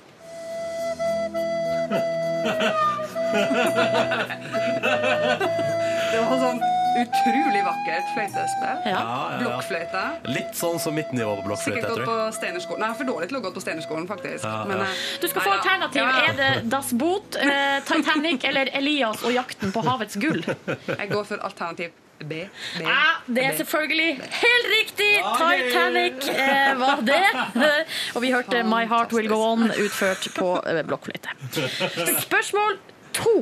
Hva heter piraten som vi skal høre nå? Råttsuppe. Hva skal jeg lage da? På vertshuset lager de noe som heter tandori. Ja, Er det A. Jack Sparrow, B. Kaptein Sabeltann eller C. Stig van Eik? B går for igjen. Kaptein Sabeltann er selvfølgelig helt riktig! What a surprise! Men Stig van Eijk var et veldig godt alternativ. Ja, veldig godt. Hvem skulle trodd at han var så sjø- og båtorientert? Å, jo. Videre til spørsmål tre. Eh, Hva er det eh, Jan Erik Larsen beskriver her? Den har en svakt V-formet skrog, spiss foran og kjempebrei bak. Må ikke si at det er sagt. Er det A. Kona si? Er det B. En motorbåt? Eller C. En seilbåt? Mm, B. Ja, det er helt riktig! Yes. Det viser at B er satser på B. Videre, spørsmål eh, fire. Hvilken sjømann hører vi her fortelle en historie til sine nevøer? Onkelets var forferdelig sterk og men snill og god. Men det var hvitløken som gjorde ham sterk. Hvor kommer spinaten inn i bildet? Er det A. Langemann, B. Jarle Andøy eller C. Skipperen? Det var spinaten som redda meg. Ja. Så du sier C. Skipperen er selvfølgelig helt riktig! Hadde vært helt konge hvis Jan Andøy hørtes sånn ut. Ja. Ja, Han, eh, han eh, så jo på Sommeråpent, apropos her ja, forleden, Ja. sammen med hedersmann Jon Michelet. Så da, hørte, da, da memorerte jeg stemmen, og den var ikke helt sånn. Ikke helt sånn, nei. Siste spørsmål, eh, nummer fem. Eh, I hvilken film hører man det her skriket? Feste!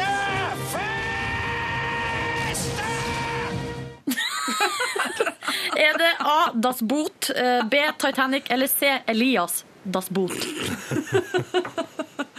uh, jeg tror jeg går for alternativ A. Det er selvfølgelig helt riktig! Ingrid Stenvold, det ble fem av fem mulige Er poeng. det mulig? Tydeligvis så er det mulig. Det er mulig. Gratulerer så mye. Du er eh, tydeligvis helt klar til å mønstre på Ja, båten. med den grunnkunnskapen der, så kan det umulig gå galt. Du har det i bunnen, det du trenger. Helt tydelig. Alle popkulturkunnskapene, da funker det. Ai, Ah, yes. P3. Riktig god torsdag morgen til deg som er våken, som er i gang med dagen, og som har valgt NRK P3 som soundtrack til morgenen din. Det syns vi er veldig hyggelig. Jeg heter Ronny. Silje Nordnes er her. Hallo, god Og så har vi fortsatt besøk av Ingrid Stenvold. Hei òg. Hei, hei. Um, og som om ei og en halv uke da skal ta oss med opp langs nordlandskysten på direktesendt eh, kveldsfjernsyn i Sommeråpent. Mm, du må ikke glemme. Trøndelagskysten. Da tror jeg de blir litt lei seg. Jeg begynner i Trondheim. Ja, ja. ja, stemmer. Ja. Mm. Sånn uh, Trøndelagskysten, Helgelandskysten og opp til Lofoten. Oi, oi, Men oi. som vi lærte nå på Hurtigruta minutt for minutt, så blir det, ga, altså det blir bare mer loco jo lenger nord du kommer. Altså Folk blir bare mer crazy og crazy. Ja, du vet, Plutselig så du er vet det vi nordlendinger, Silje. Ja. Vi er jo så fri og spontane. Og Ja. det der, så det Kjør, står på vannski i Borat-uniform Det og nakenhet. Det kommer en kar i Borat-uniform. Men er ikke det litt deilig, da? Jo. Jeg tror folk venter på det. Ja, det er herlig. Å, det blir veldig fint. Få på masse nakenhet i primetime på NRK1. Det er ingenting, det er ingenting vi heller vil. Det er ingenting vi heller vil. Du, vi må gå inn i SMS-innboksen. Der um, har det kommet spørsmål til deg, Ingrid. Eller, eh, her er det først bare en oppfordring fra Lone. Der står det Ingrid, du må hilse din onkel Rønning, min tidligere lærer på Høgtun. Nei, så koselig. Ja. Det skal jeg jammen gjøre. Og så skriver Lone også PS. Aldri slutt å prate dialekt på TV. Nei, det er greit. Ja. Du har ikke noen planer om det? Nei, jeg har jo ingen planer om det. um, nei.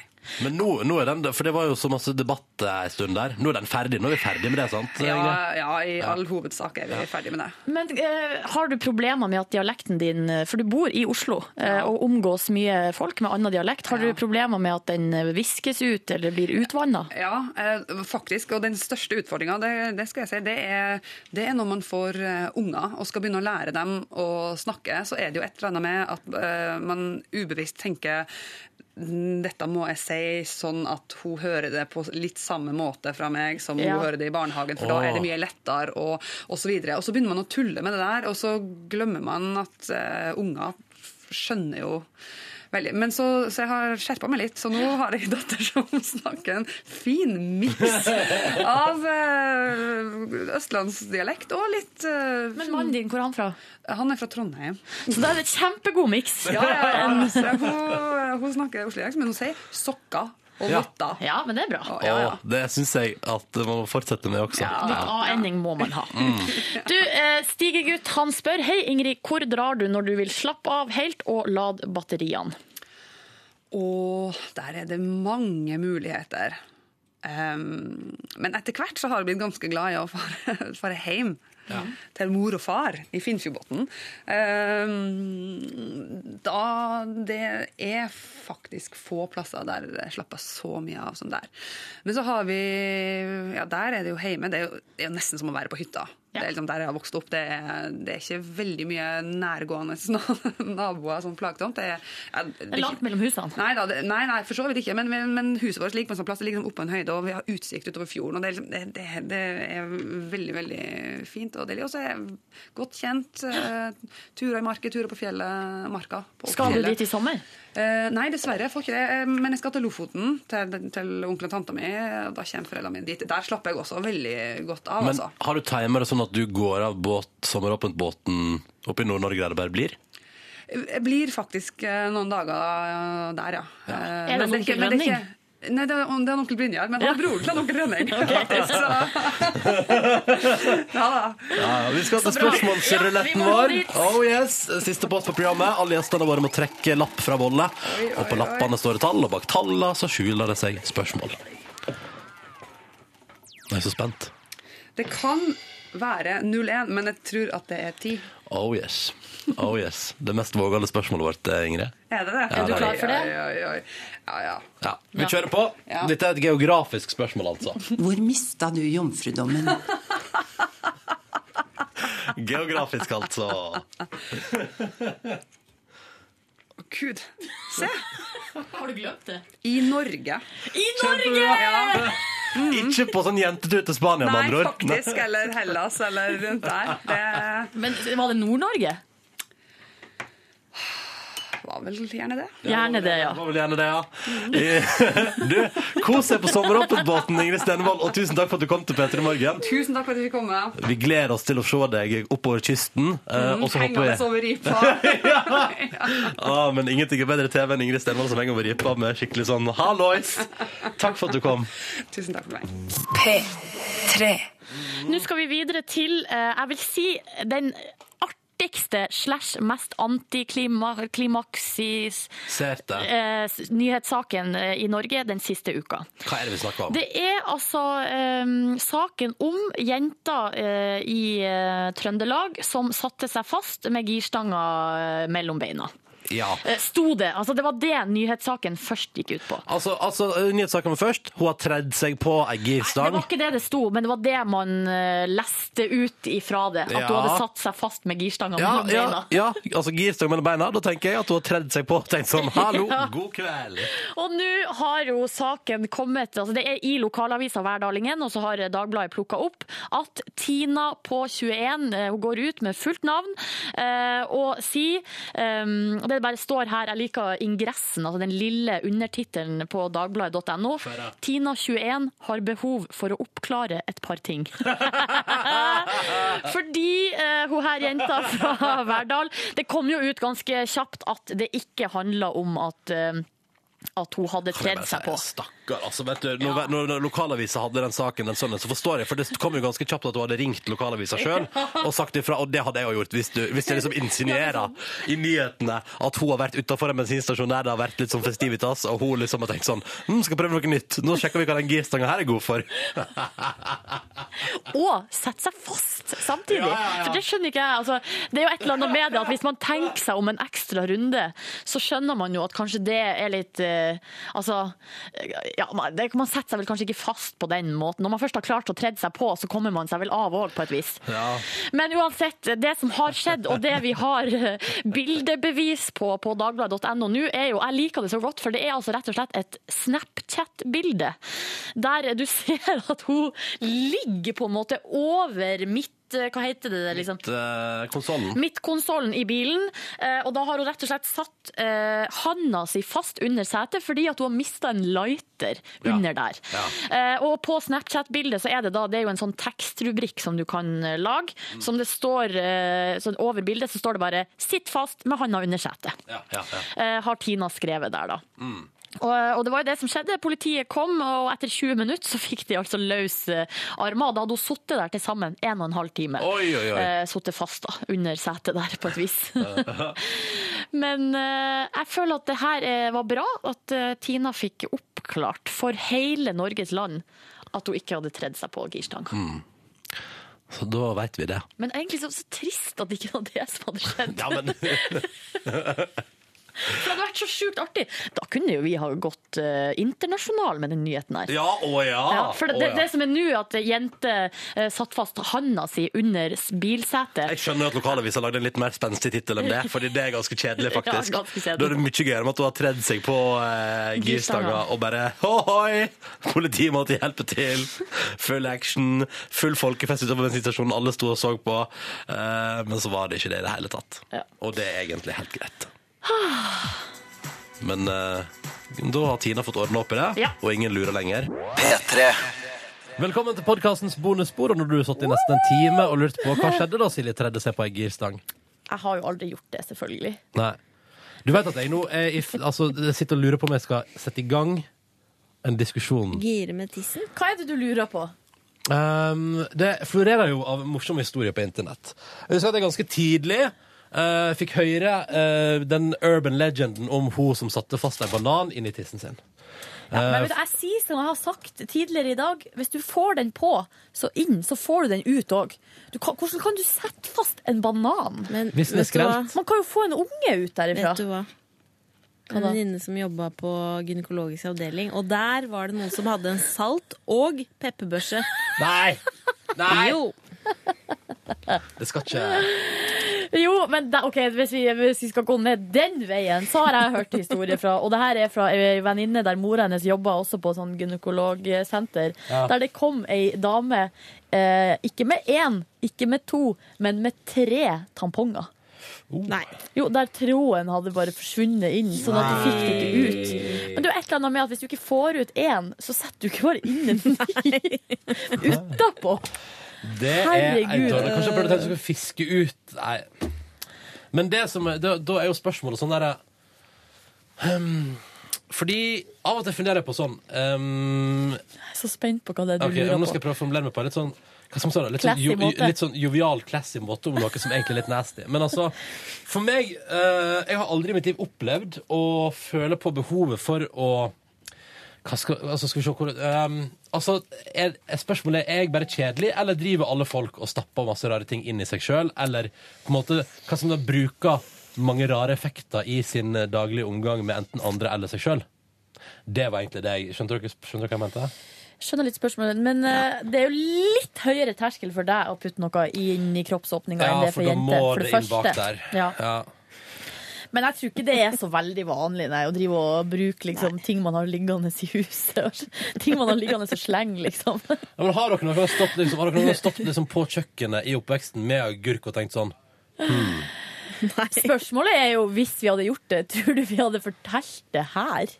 Altså, dette er Altså. Det får være måte på hvor utleverende man skal være. Ja. Ikke, det er ikke juntafil heller der, Ronny. Nei, det er sant, det. Nei. Jeg bare, jeg bare lurte, for jeg bare, jeg bare, jeg, fordi, eller, det er grunnen til at jeg spør, er fordi at jeg syns det er Jeg bare synes det er, jeg er nysgjerrig på om folk liksom har det Jeg behovet, tror da. svaret er at, at folk Altså, Men er det liksom, spørsmålet er, er alle sånn bare at ingen prater om det, eller er, og så er det jeg som er kjedelig, eller er, eller er det veldig uvanlig å altså, Skjønner dere hva jeg mener? jeg tror faktisk det er god blanding av de to. Ja, ja. For jeg tror eh, veldig mange er veldig ganske kjedelige og gjør ingenting. Eh, men så er det også en del som er kanskje enda drøyere enn man skulle trodd. Ja, På en måte.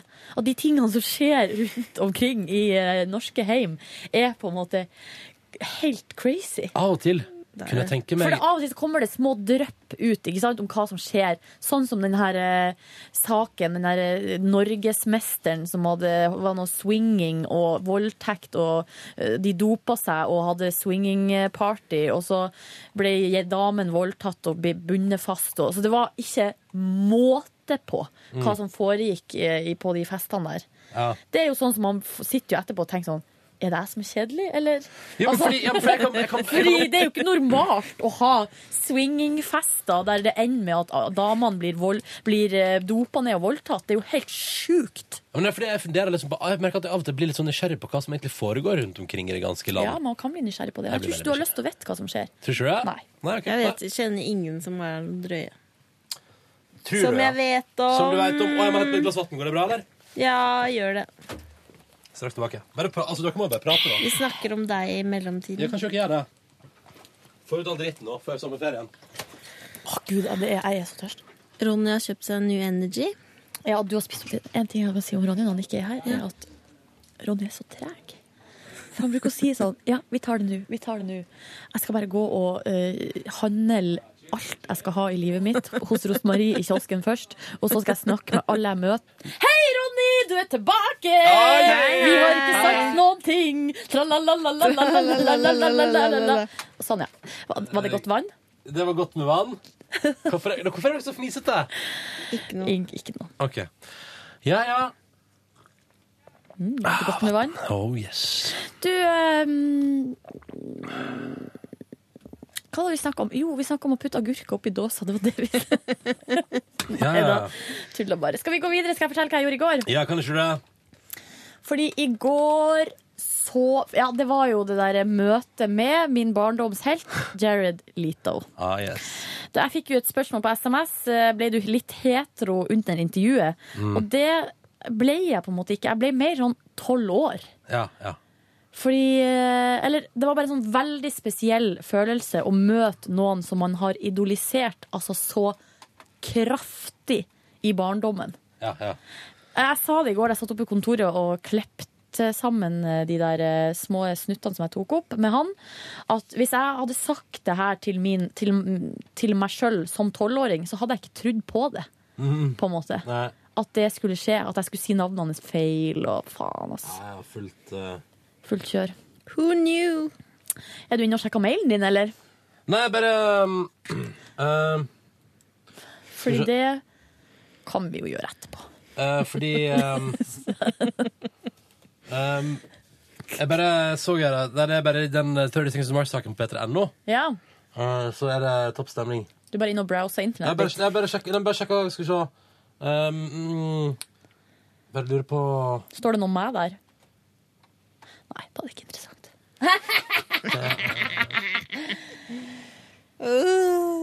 ja. Ja, OK. ja Jeg ser at det Det, um, det som var gøy med Jared Leto i går Skal jeg fortelle eller Jared Leto? Leto. Leto. Eh, vet du hva, kan vi ikke best kalle han for Jared Leto, Ja, så kan han hete det han vil. Ja, Her i i Norge fall, heter han Jared Jeg Leto. Jeg registrerte ikke at han egentlig ville gi meg sånn uh, knuckles når han kom. Uh, for det ville han da. Han Ja, det gjorde han med meg òg. Ja, han ville hilse på alle sånn. Eh, og jeg vet, var framme med han, da, så da måtte han jo Og jeg la ikke merke til at han var med knucklesene sine, så han måtte gi håndhils på meg. Og da gikk det da prosjektet hans i vasken, så etterpå så satt han der rett Altså, det tok ti sekunder, så var han i gang med antibac. Oh, yes. Er det derfor han Ja, eh, det er derfor han bruker nøkler nøk- og ja. ikke helsa? For å slippe bakteriebonanza. Så uh, innsikt vi får i han Ja. som person med en sånn bitte liten detalj. Vegan og Ja. bakteriefrik og Så eh, artig. For en fyr. Hvordan syns du det var i intervjuene da, Ronny? Det var Det greiene var veldig rart. Det var altså så må dere- det, fordi, Men det som er mest kanskje rart, er jo at man sitter jo liksom der i studio som man sitter hver dag, og alt er bare vel sånn. Men så er det som om Altså, det kom et storinnrykk. Det er jo et voldsomt apparat. Uh, Det er liksom med pressefolk norsk, ja, norsk, Det er to fotografer som er med der, for de driver tydeligvis og filmer til et eller annet. Eh, Det er noen managers fra utlandet der, kanskje to-tre stykker der, og så er det norske plateselskapet som er med.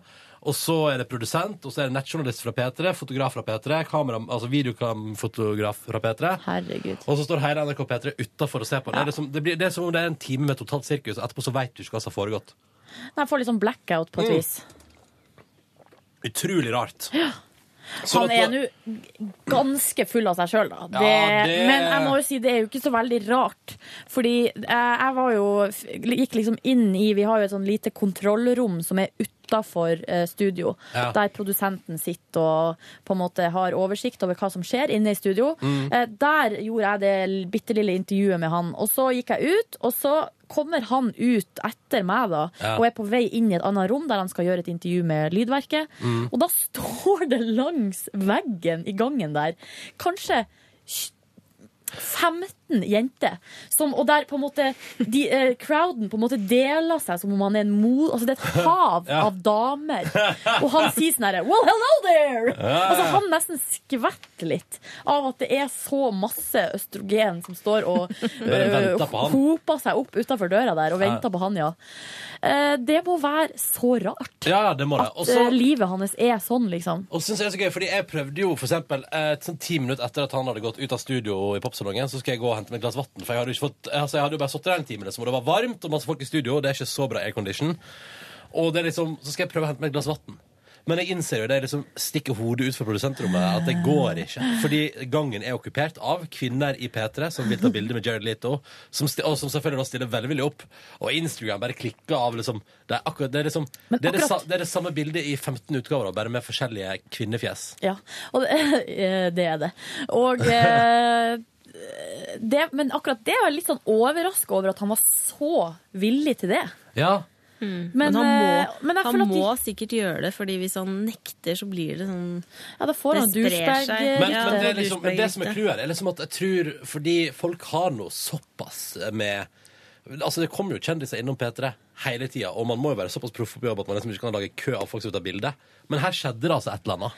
Ja, men og, da jeg var, tror- og da var det fordi han var mottagelig, det er jeg sikker på. Fordi folk er proffere enn som så. liksom Ja, jeg tror jo hvis man hadde Greia var jo at det ble jo spurt eh, med hans pressekontakt, eller hun som kom fra plat- plateselskapet.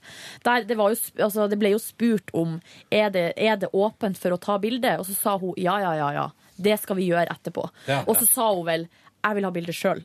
Ja, ja. Fordi Og det dukker også opp. eh, ja. Hei, Thea. Hyggelig at du hører på podkasten vår. Eh, og greia er at eh, for deg, Ronny, som ikke husker My So Cold Life, og som ikke husker Jared Leto fra når han var Mm. på høyden eh, som Han var vel rundt 20 Ja. da. Ja. At det var altså så han var så populær, liksom. Ja, Det var stort. Det var, på, altså, det var eh, på høyde med Backstreet Boys, på høyde med Mm. liksom eh, Ja, hvem andre? Take That og New var, Ja. Han var gigantisk. Og nå har han starta rockeband. Uh, Starta rockeband, blitt svær der òg, men for, en litt sånn an, for et annet segment, kanskje. Han treffer jo veldig bredt, da. Det gjør han jo. Ja. Uh, men 30 Seconds to Mars er sånn type sånn band som har en sånn ekstrem fanskare. Ikke min kopp te. Ikke? Eller de radiohitene. Kan jeg Det er liksom sånn stadion...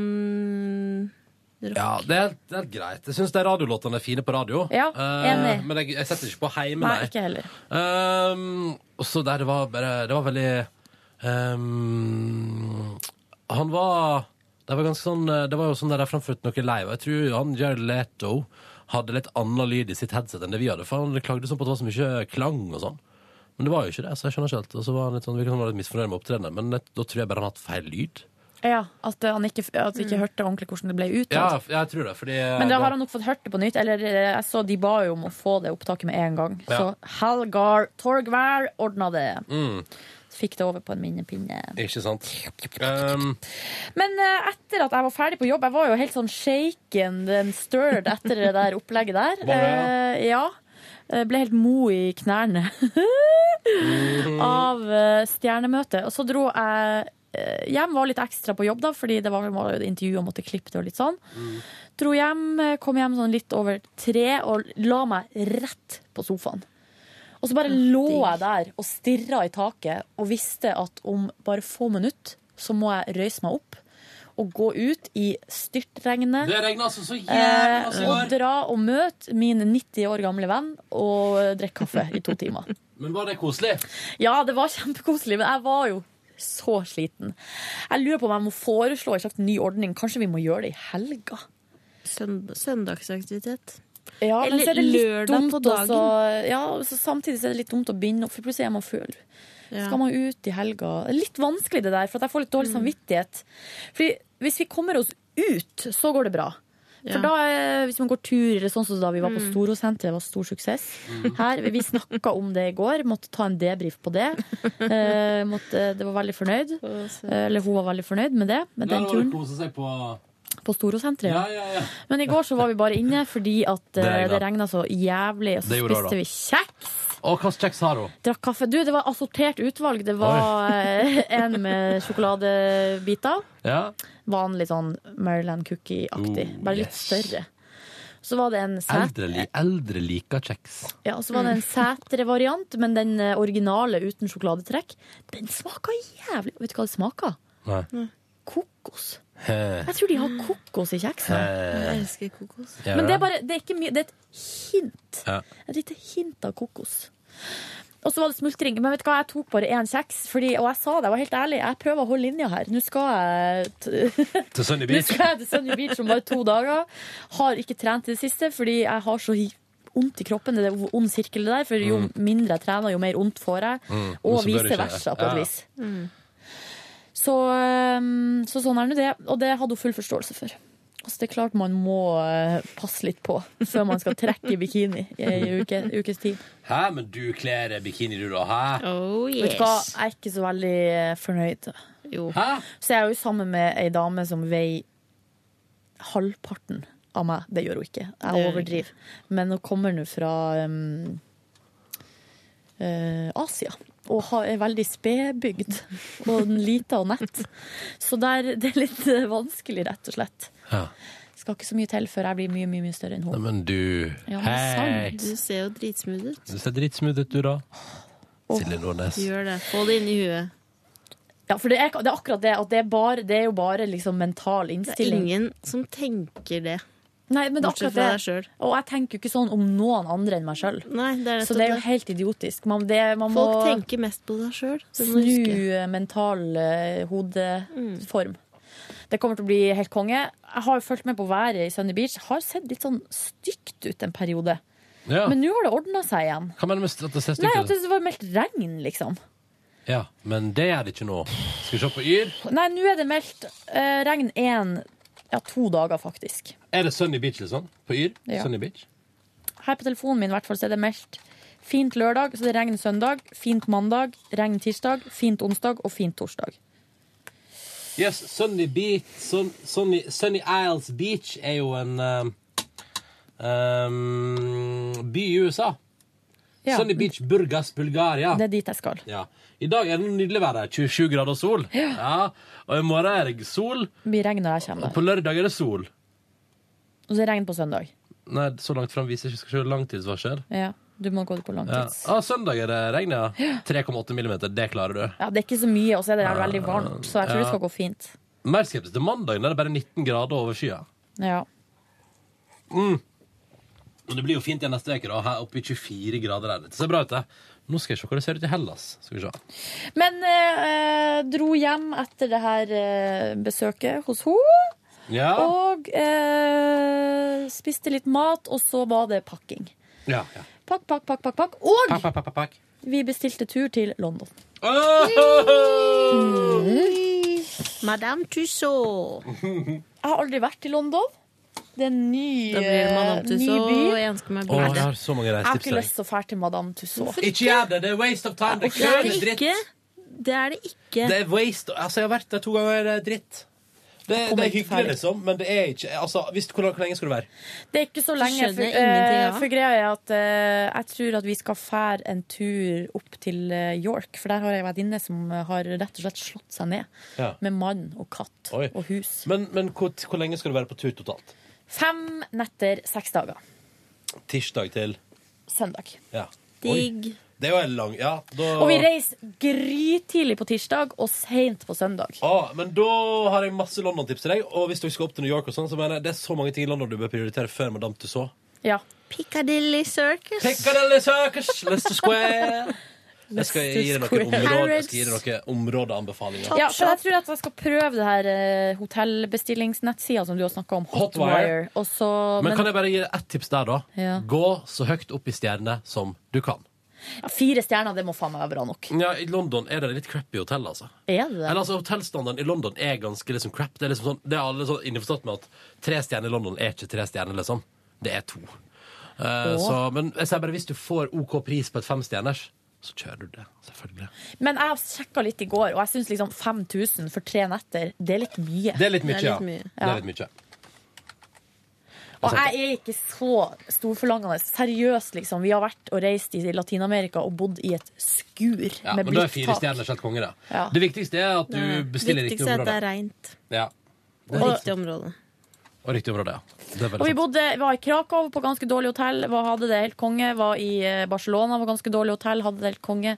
Jeg er ikke så nøye med det på det. Du skal jo nesten ikke være der. Du skal være mest på Madame Tussauds, Piccadilly, Tower of London, Shakespeare Globe. Og så har jeg oppdaga nå at da vi flytta i høst, så har jo jeg rydda i klesskapet og kasta alle shortsene mine. Så det var jo jævlig smart. Hvorfor? hvorfor? Eh, jeg tror jeg tok i vurdering og fant de for stygge. Ja, da får du ta det i handlerommet. Lyna det? Ja. Gjorde du det nå? Lyna det Og jeg er ute? redd for det. Kommer det torden? Please, la det komme torden. Og jeg er kjemperedd. Det var meg som lagde den lyden. Ja, det var det. Jeg er ferdig med min oppsummering av gårsdagen. All Fin right. dag, fin Skal vi dag. dere høre hvordan jeg har hatt det siste døgnet? Yes, please. Yes. Du var eh, vel bra skjelven i knærne, du òg, etter å ha møtt eh, Jared Leto. det, jeg- det som var gøy, var at jeg har ikke sånn voldsomt forhold til han personlig. Så det som var mest stas for meg, var eller jeg, jeg, jeg synes det var jævla stas at popsalongen på P3 fikk besøk av 30 Seconds to Mars. Skjønner du hva jeg mener? Ja. Jeg syns det, var- jeg synes det var det kuleste i går. Jeg syns popsalongen på P3 bør ha flere besøk av sånne artister av den størrelsen. Enig. Um, så jeg gjorde jo det intervjuet jo resten av Popsalongen-sendinga. Den ble litt travel. Jeg liker, eh, for jeg og Wolfgang skulle jo fra to til tre presentere nye låter på P3. Hvorpå liksom etter første låt sitter jeg og Wolfgang prater om den, og så ser jeg at produsent Beate får litt sånn panikk. Og det er jo fordi nå sklir det så jævlig på tid der. Eh, så det var en knapp sending. Det gikk veldig fort og var helt eh, det totale kaos, egentlig. Men det gikk bra. Fikk landa den, var ferdig med den, og det føltes godt. Og så bar det da etter hvert eh, hjemover, og da hadde jeg jo levert fra meg mobilen min til sånn reklamasjon. Så da fikk jeg og fikk nytt SIM-kort og sånn, så da gikk jeg helt raskt hjem og uten mobil, følte meg naken. Kom hjem, fant min iPhone 3GS. Og den måtte bare lade et par minutter, så var den klar til bruk. Og jeg, jo, jeg måtte jo bruke den også i november. Når jeg fikk den andre telefonen. Fordi Du måtte ha sånn mikrosim, eller? Ja, nei, det var bare rett og slett fordi den 3GS-en måtte jeg bruke etter at jeg ble frastjålet iPhone 4, og da fikk iPhone 5 etter hvert. Um, så den er relativt oppdatert. Altså Den er oppdatert med nyeste operativsystemet. Og med andre Det var veldig lite som måtte gjøres der. Og så er det litt gøy, for nå gikk jeg liksom inn, og så er det siste bildet mitt eh, på den telefonen jeg har nå, er jo fra da vi lagde, hadde sånn filmkveld hjemme hos Silje, med to lyttere. Uh, og sånn, så det var litt, så, det var litt uh, stas å ta fram den telefonen, og den fungerer fint, og jeg er fornøyd. Så da, da overlever jeg med den så lenge, til jeg da får en ny telefon, eller det får ordna seg på et vis. Um, Du, vi så, vi fikk nå etter hvert i sendinga Vi, vi, vi snakka mye om den der swappinga mhm. av eh, telefon. Ja. Eh, det var en som skrev at det er ikke lov i Norge. Hæ? Skal jeg finne meldinga som han har sendt. Eh, det står til Ronny å gi deg en swap eh, er ikke lov i Norge. Hvem er det som skriver? Ja vel? Det er Stian Georg som skriver det. Ja, Han men, jobber eh, sikkert med det, så han vet det. Men eh, Men eh, jeg vet ikke. så rart. Hmm. That's weird. Men det er Men fordi folk eh, sier jo Det er det som er at eh, folk skriver jo ting til oss hele tida, og det er litt eh, vanskelig å etterprøve. Mm. Hva som er sant og ikke sant, for du har jo fått beskjed om at du skal få en swap. eh, Ja, ja. Og hvis eh, Ja. Kanskje vi skal tipse liksom, for FBI her på NRK at uh, hvis det ikke er lov, og, og Apple i Norge likevel gjør det, så er det jo en sak. Mm. Spørsmålet er, fordi dette her er jo Jeg tror, hvis jeg hadde kjøpt en iPhone privat og gått til en Apple-forhandler i Oslo med den nå, så hadde jeg fått en ny telefon, en ny eske, en ny, liksom, helt ny telefon, på stedet, tror jeg, omtrent. Hadde fått liksom fått, Vær så god, her har du, takk for at du reklamerte, her har du ny telefon. For det er det man får til vanlig, etter hva jeg har forstått, ifølge disse Apple-foruma. Men vi har jo en bedriftsavtale med et og annet. Så det er sikkert sånn der, det er sikkert derfor. Jeg veit ikke. Men eh, ja. Men hva gjorde du etterpå, da?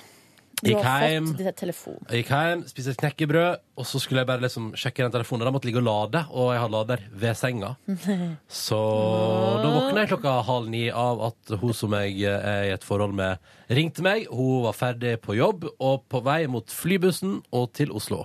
Og da tenkte du 'fuck my life, nå må jeg rydde'. Det var akkurat det. Sånn at hun sa sånn hun sa, Det jeg ringte deg nå, så hørtes det litt hysterisk ut. Og det var fordi jeg våkna av at hun ringte, og innså at jeg trodde klokka var mer enn den var.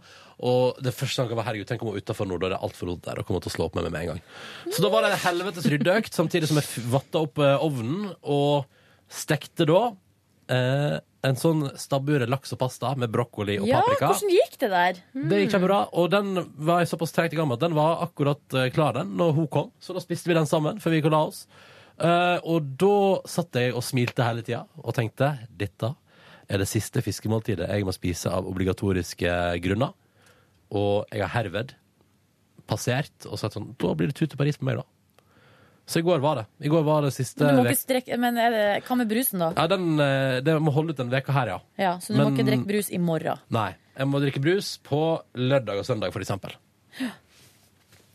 Men uh, det føles bra. Jeg tror ikke hun syntes det var så kult. Jeg tror ikke hun trodde at jeg skulle klare dette her. Men det som hun ikke vet, er at eh, når man gir deg en utfordring, Ronny, og du bestemmer deg for å ta den, Mm. så klarer du det. Og det er det på en måte ikke noe spørsmål om, nesten. Ja. Det har jo du bevist her nå, gang på gang på gang på gang. Mm. Surprise. Ja. Så eh, det er jo ikke noe vits å inngå Men jeg må ville sjøl, da. Ja. ja, du må ville det sjøl. Hvis ikke så blir det jo bare tull. Mm. Sånn som da du skulle trene i Riga, eller hva det var. Det var jo Ja. Jeg trente deg Det på det, gjorde lat du på det ikke. latviske språk. Ja, Ja. men der, eh, det telles ikke. Det var ingen som spesifiserte at det måtte være fysisk. Jo! Det var så til de grader spesifisert. Nei, men se, Dagbladet har sak om han som vi prata om for tre uker siden. Hvem, han eh, Heim. Nei, hva heter det? det. Vegard Harm, ja. Harm, ja. ja. Fy faen, det er så bakpå. Det er så bakpå. Vi har pratet om han for lenge siden, Dagbladet. Jeg sender mail etterpå. Ja, men vi tar jo saker fra dem hele tida. Ja, vi skal- ja, vi skal bare- Symbiosen må jo være der. Oh yes. Symbiosis. Symbiosis. Ellers så ble det tatt jeg la meg i går, så varmt. Var det veldig varmt i Oslo i natt? Ja, jeg hadde det dødsvarmt. Ja, vi, frøs. vi måtte opp med verandadøra der på et tidspunkt, for det, gikk, det var så varmt. Sikkert også fordi at jeg har stressa rundt inni det huset der og generert mye varme av all ryddinga mi. All kaosryddinga. Og den laksen. Og laksen, ikke minst. Jeg skjønte ikke min egen grove vits før fem sekunder etterpå. Så det var ikke meningen. Hva det i går på da? I går, Cecilie Ramona? Kåss I går var jeg en helt Du, annen Kan jeg bare avdeling. spørre, kan jeg spørre, kan jeg spørre bare kjapt Ja. først? Ramona, er det sjølvalgt, eller fikk du det ved Det er sjølvalgt. Det er det? Ja. Når, var, når, Når fikk bytter du du, når bytter du navn? Når jeg ble 18, når det var lov. Og du tenkte fader, nå skal jeg hete Cecilie Ramona Kåss Ja, Furuseth bare for å få på nei, fire navn? på grunn av Ramones. Er det sant? Ja. Er det sant? Det er sant. Jøsse Du, jeg skulle ønske jeg kjente det da du var 18, Cecilie. For jeg tror det var en helt annen person. Jeg var ganske awesome. Det er du nå òg. Å, nei! Jo, du er det! Jo, du er det! Du er awesome! Herregud, for en gjeng. Herregud. Jeg klarer ikke mer. Jo, men i går så var jeg en helt annen avdeling. Ja, hvor de har var- ubegrensa kjeks, frukt og kjekk, eh, kjekk mann som kom og Er det tok i meg NRK, imot. det her? Ja, kompetanseavdeling. Nei, men i all verden. Så har de sånn fatboys i uh, Altså saccosekker? Ja, saccosekker. Ja. Ja. Eh, og så var det supersmoothe PC-er, og så traff jeg en jeg kjente, så vi fikk sitte ved siden av hverandre. Gaute Sakariassen. Jobber i oh, nyheter. Jeg har hørt navnet før. Veldig hyggelig fyr. Og da lærte jeg masse, og så lagde jeg en sånn plakat. Ja, for hva var det du var på kompetanseavdelinga og heva kompetansen din på? Photoshop-kurs. Selvfølgelig. Og det har jeg mast om siden januar. Fikk det nå to dager før kontrakten går ut. Så Typisk NRK, jeg dør på meg. Men, men det er bra det, da, for da kan vi jo bruke deg seinere. Ja. Og så tror jeg, og så kan det godt hende det var sånn der Å, Cecilie, vet du, vi har så mer jobb til Og så lurer på om- Skal vi sende opp et Photoshop-kurs for å gjøre Nei, nei. Jo, men du skal jo kanskje fortsette høsten. Ja, jeg er jo tilkallingsvikar. Ja. Så jeg kommer nok tilbake. Du skal bare forgifte alle i redaksjonen, sånn at alle blir syke. Sånn at du må ringes og si sånn Hei, kan du komme? ja, men du, hvordan, Photoshop, Har du lært noe om Photoshop nå, da? Jeg har lært masse. Det var noen nyhetsmontasjer som vi lærte. Og Mhm. så lagde jeg noe humor i pausene. Ja, Som du sendte til Sigrid. Som jeg sendte til Sigrid. Det var en plakat hvor det står eh, 'Alle disse dagene som kom og gikk'. Ikke visste jeg at det var sjølve livet. Hvem er det som det- står bak det sitatet? Jeg vet det, TV Norge, onsdagsfilmen. jo, og så eh, putta jeg inn Jo, og så putta jeg inn Klippa inn en eh, is, en sol med solbriller, en delfin og en palme. Se Sigrid på Face her. nå skal vi se. Sigrid veldig bukt. Veldig Nå skal jeg finne ut hvor det sitatet kommer fra. Ja. Ja, men Så gøy. Etter denne oppturen av en dag, Cecilie, hva, hvordan skulle du toppe dette her? Så spiste jeg i kantina. Og så kom jeg tilbake hit, og da var det så koselig fordi du sa at du var, du var glad for å se meg. Ja, men det var jeg, og du var i så godt humør. Jeg var kjempe, masse Ja. ny kompetanse. Ja. Og så spiste jeg i kantina. Da Ja. spiste jeg en spicy dog med Hva er en spicy dog? Du vet ikke det var spicy. Var den stor? Grov pølse. Grov pølse. Men Og så um, potetmos. Og drakk en coca. oh, Og yes. så dro jeg til? Nei, Zero. Ja, ja, ja. For Som du det sto Carl på. Skeier ut. Du! Og så dro jeg til Majorstua til frisøren min. Oh, yeah! Nå har jeg kommet, uh, funnet hvem som sa disse Jeg får ikke Facebook til å fungere. Jeg, ass. Eh, d- eh, det, den som står bak eh, alle disse dagene som kom og gikk, ikke visste jeg at det var selve livet, er forfatter eh, Stig Johansson, svensk, tatt fra samlingen Den kaps, kapseisade himmelen. Mm. Kom i 1984. Himmelen. ordtak. Og eh, all, det er på svensk, da, egentlig. Jeg føler at alle datamaskiner på NRK er i ferd med å havarere. Det er liksom like før. Nå skal vi se. Ja, men det er flaks at det er Sigrid ferie nå, da. Ja. Skal noen andre Men det sitte ligger på? Instagram òg. Ja, men nå, nå har jeg funnet Sigrid på fa- Facebook Ja. her. Skal vi se på Photoshop-skills til Cecilie Ramona. Eller Ramone, sier det, som du sikkert vil. Rem Nei. Det er jo Ramona. Ok. Syns du det var fint? Det er helt konge! Og vi Der burde nesten har- poste på P3 Ja, vi burde, vet du hva vi gjør i morgen? Vi tar sommerferie med alle disse dagene.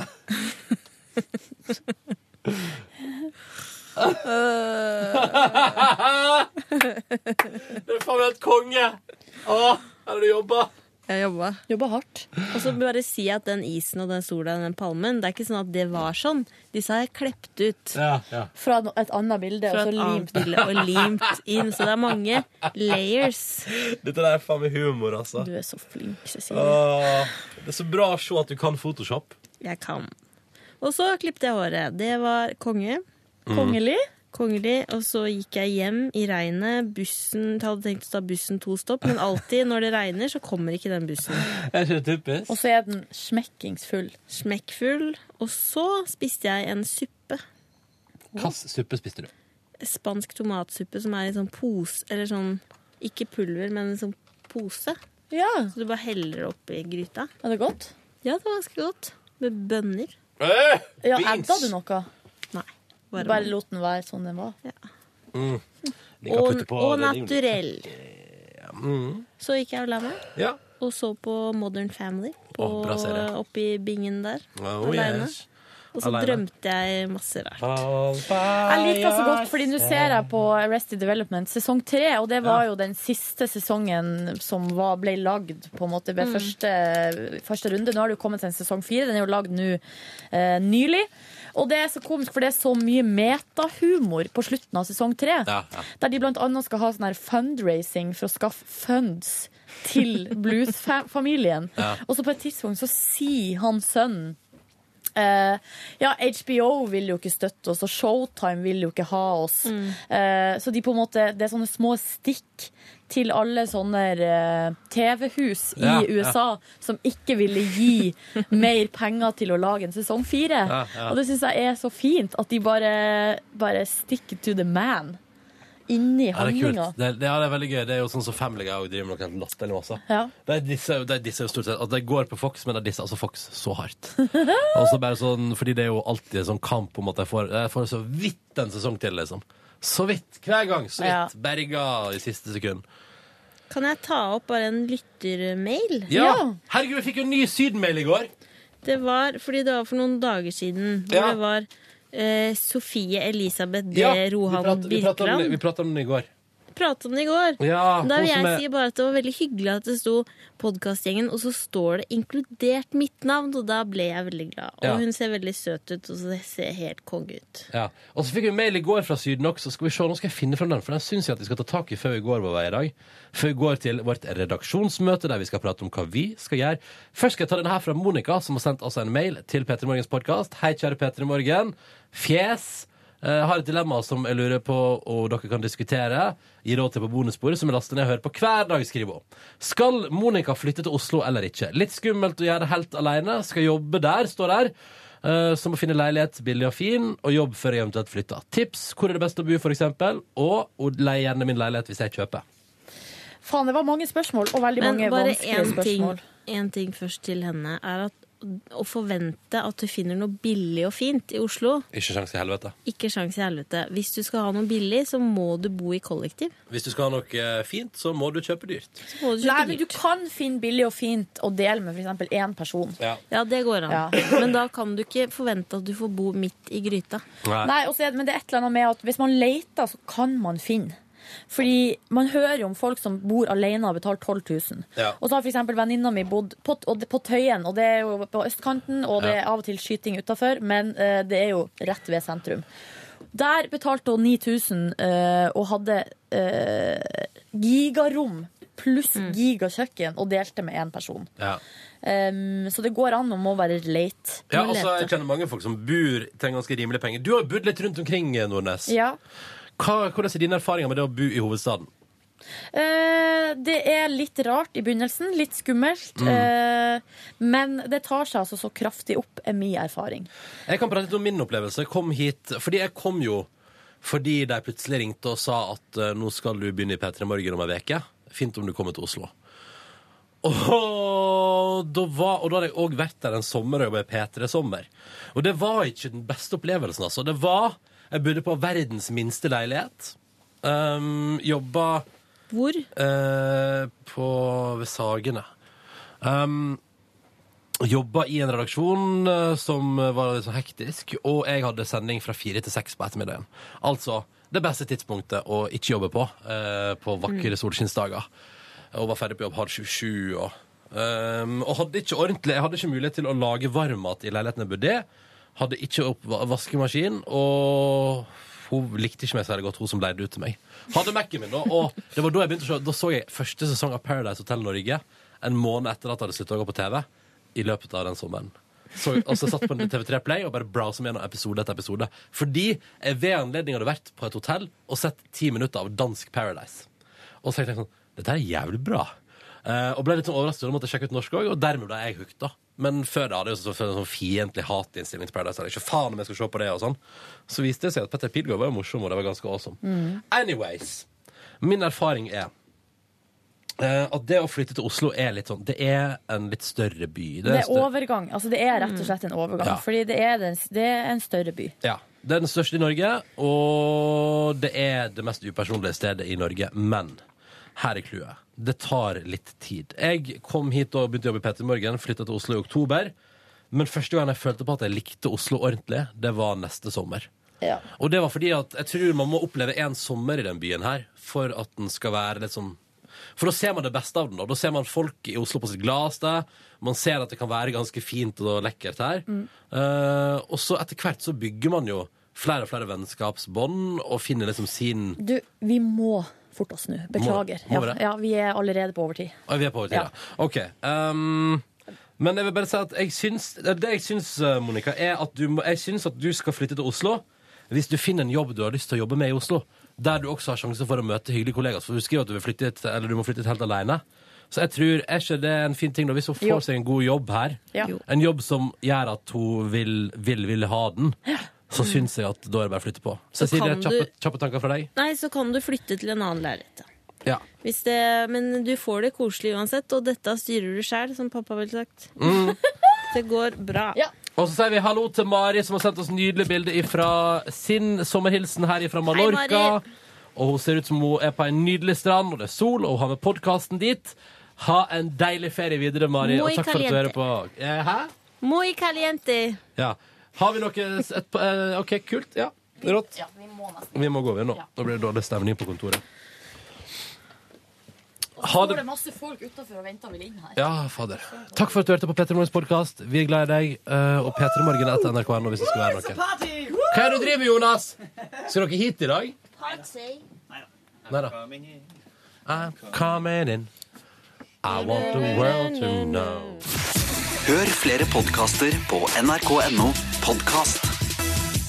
P3.